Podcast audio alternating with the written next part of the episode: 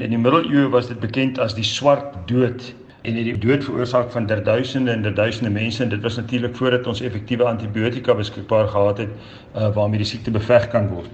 Wat veroorsaak hierdie plaag? Dit word veroorsaak deur 'n bakterie, Yersinia pestis, wat normaalweg voorkom in klein soogdiere, veral dan nou knaagdiere, rotte en word van rot tot rot oorgedra deur vlooie. En van tyd tot tyd sal van die vlooie dan besluit om aan iets groters te kou as aan 'n ander uh, rot en so word dit aan mense toe oorgedra. Die mees algemene vorm van plaag in mense is bekend as builepes en dis as gevolg van die vergrote limfknope wat die mense kry wanneer hulle met die bakterie besmet word. Uh, dit word dan van mens tot mens oorgedra weer deur vlooie of deur direkte kontak met die besmette liggaamsvogte van mense of as uh, mense versorg word.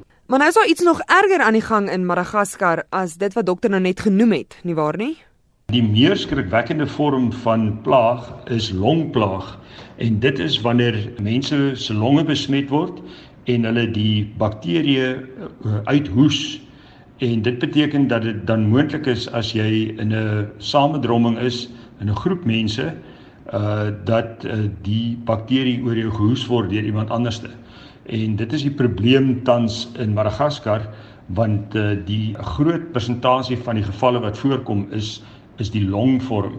En hoe lyk die simptome? Indien mens wel besmet sou word op een of ander manier of deur die vlooie of dan nou deur iemand wat oor jou hoes, is die broeitydperk van die siekte iewers tussen 3 en 7 dae, dan oor ongeveer 'n week en dan presenteer dit maar met die tipiese simptome van 'n aansteeklike siekte, koors, kopseer, lyfseer, uh en dan natuurlik ook uh, as dit die longvorm is hoes en as dit builepes is met die verskyning van knoppe uh oor tipies by die waar die limfknope voorkom in die lieste en die armholtes en in die nek en so aan. Die behandeling daarvoor is baie eenvoudig en die probleem met groot uitbrake is wanneer uh, antibiotika nie beskikbaar is nie. Het dokter raad vir Suid-Afrikaners wat na Madagaskar wil of moet reis?